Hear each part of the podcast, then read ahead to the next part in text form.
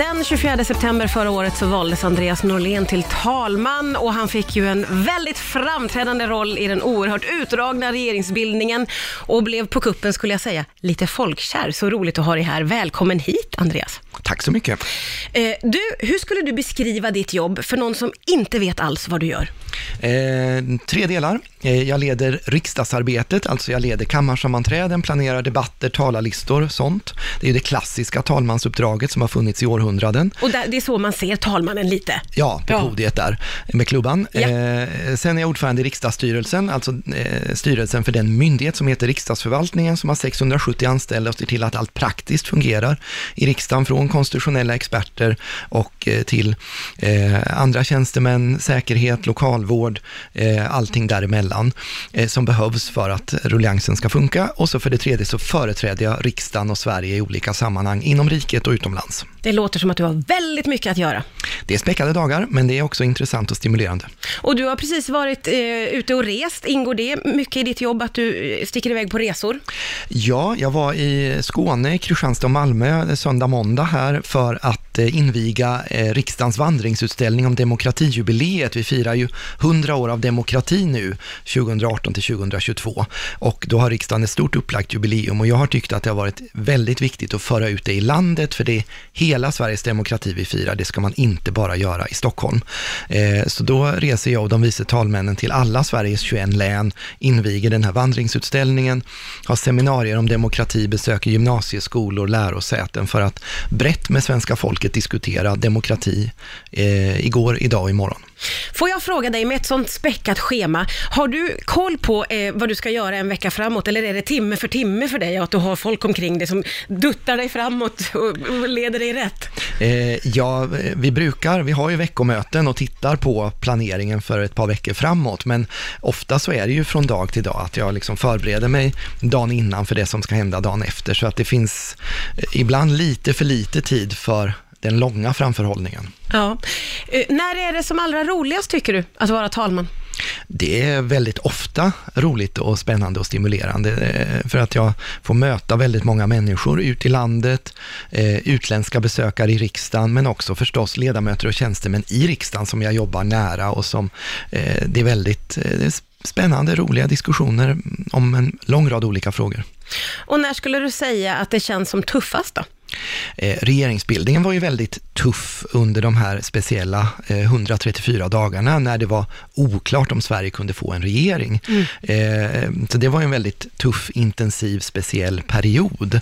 Men, eh, och sen finns det ju inslag i uppdraget som är djupt allvarliga och tuffa på det sättet. Jag ska till exempel på lördag hålla tal med anledning av 25-årsminnet av Estonias förlisning. Det är klart att det är ett väldigt speciellt uppdrag som kräver mycket genom eftertanke och förberedelser. Så intressant att få eh, klämma lite på ett jobb som man kanske inte liksom träffar på varje dag i sitt vanliga liv. Jag vill vända tillbaka till den här perioden eh, som vi ju har nämnt, eh, regeringsbildningen som blev väldigt, väldigt utdragen. Det var eh, ett väldigt långt förlopp, det var eh, kaotiskt och ibland svårt för oss vanliga att hänga med. Och under den här perioden så gav ju du talmansrollen verkligen ett ansikte och blev en person som många av oss liksom vände blicken till. Eh, hur upplevde du eh, den där perioden? Det var ju en väldigt speciell tid eh, i svensk politik, men också för mig, för jag var ju ny talman. Jag valdes ju, som du sa, den 24 september, alltså idag för exakt ett år sedan. Nej men åh, det är det ju, inte ens tänkt på! Så det är ettårsjubileum för mig. Tack så mycket. Tack. Eh, och, eh, så det, det, eh, och sen blev det ju det här enorma mediatrycket och väldigt stora intresset. Så eh, det är klart, jag hade ju mött media många gånger förr under mitt politiska liv, men jag hade aldrig klivit in i ett pressrum i riksdagshuset som var helt fullsatt, där folk stod runt väggarna eh, och där en massa redaktioner livesände.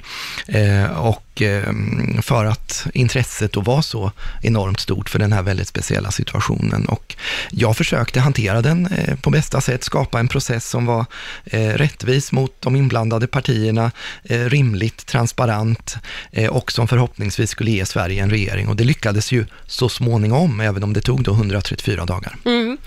Vad skulle du säga att du lärde dig om dig själv under den där perioden? Eh, jag skulle säga att jag ändå är, att jag lärde mig eller insåg att jag ändå är ganska uthållig och tålmodig, för det, eh, utan det tror jag inte att det hade gått om, om jag hade försökt i något skede att forcera processen, för jag tror att partierna och partiledarna behövde den här tiden för att ja, förhålla sig till ett delvis nytt politiskt läge.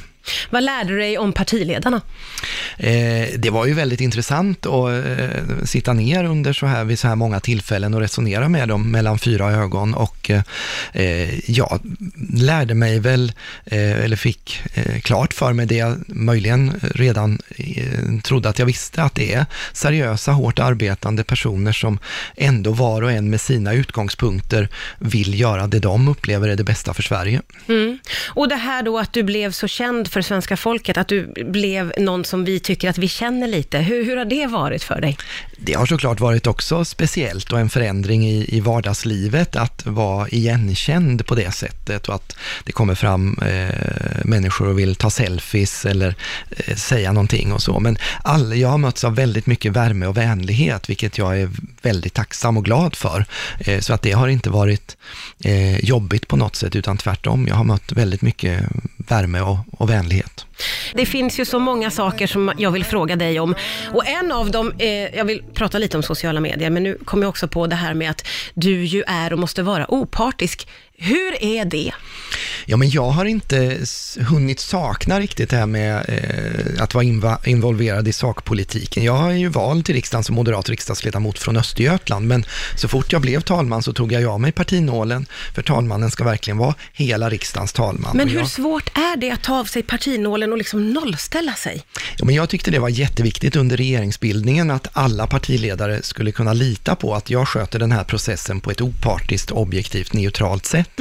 Eh, Så jag, försö- jag jobbade för att hela tiden redovisa alltid mina argument för olika beslut, så att alla kunde se, eh, också media och allmänheten, varför jag gör som jag gör. Och därigenom kunna granska och om man vill ifrågasätta, eh, så att det blir tydligt att det här inte handlar om att ta parti för, för den ena eller den andra. Eh, Så jag, jag har, och det har varit så väldigt hektiskt hela tiden, så jag har inte hunnit sakna partipolitiken faktiskt. Nej. Och det här med att du är ganska aktiv på sociala medier, hur viktigt är det?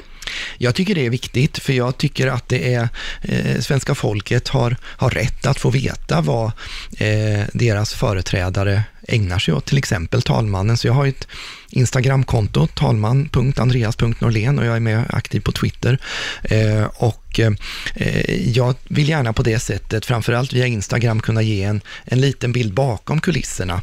Eh, vad jag gör till vardags, sånt som inte alls skildras i media, utan som, som då är mera vardagsliv i riksdagen och kanske berätta lite om eh, riksdagens byggnader, riksdagens hus, eh, procedurer och annat sånt där som kanske kan vara lite roligt att veta om man, om man har den läggningen. Ja, eh, och eh, det kröp ju fram här eh, när vi lyssnade på Veronica Maggio att du är ett stort fan av Frank Sinatra, förstår jag. Det är helt korrekt. Eh, lyssnar du mycket på musik när du är ledig? Eh, mindre än vad jag borde. Min fru försöker introducera mig för, för lite olika eh, artister. Det låter inte som att hon har haft någon framgång med det. Nej, Frankie Boy hör ju inte riktigt till de nya som har Nej. kommit fram på senare år. Men du, har du möjlighet, kan du liksom slappna av och se en tv-serie eller en film? Eller vad, hur, hur, vad gör du när du är ledig? Eh, vi har ju en treåring hemma och Ja, det det gör att det blir eh, inte så mycket så, eh, ren fritid när jag är hemma heller, men vi försöker se en film ibland i alla fall och vi, eh, vi följer eh, ibland eh, någon tv-serie också, men det blir ganska sporadiskt tyvärr. Ja. Du, eh, de senaste dagarna så har det varit väldigt mycket snack och skriverier om att eh, några av partiledarna åkte iväg eh, på kalas. Det var Bindefeld som fyllde 60. Eh, och det här hade ju, det var ju, de var inte med på samtal om budget och eh, gängkriminalitet. Det har ju med regeringen att göra, inte riksdagen. Men har du någon tanke om det här? Nej, det har jag inte, utan jag tycker att det måste var och en avgöra hur man vill hantera den typen av rent privata inbjudningar. Varför tror du att det blev ett sånt enormt mediaintresse och intresse kring det här då? Ja, jag vet inte riktigt. Jag, jag tror inte jag vågar ha någon uppfattning om det. det är lika bra. Jag tänker att det är för man tycker att det är spännande att se folk i långklänning, men, men jag är ju så enkel. Eh, Andreas Norlén, så roligt att du tog dig tid att komma till Rix FM idag. Jag tackar dig så hemskt mycket för att du kom hit. Tack för att jag fick vara här.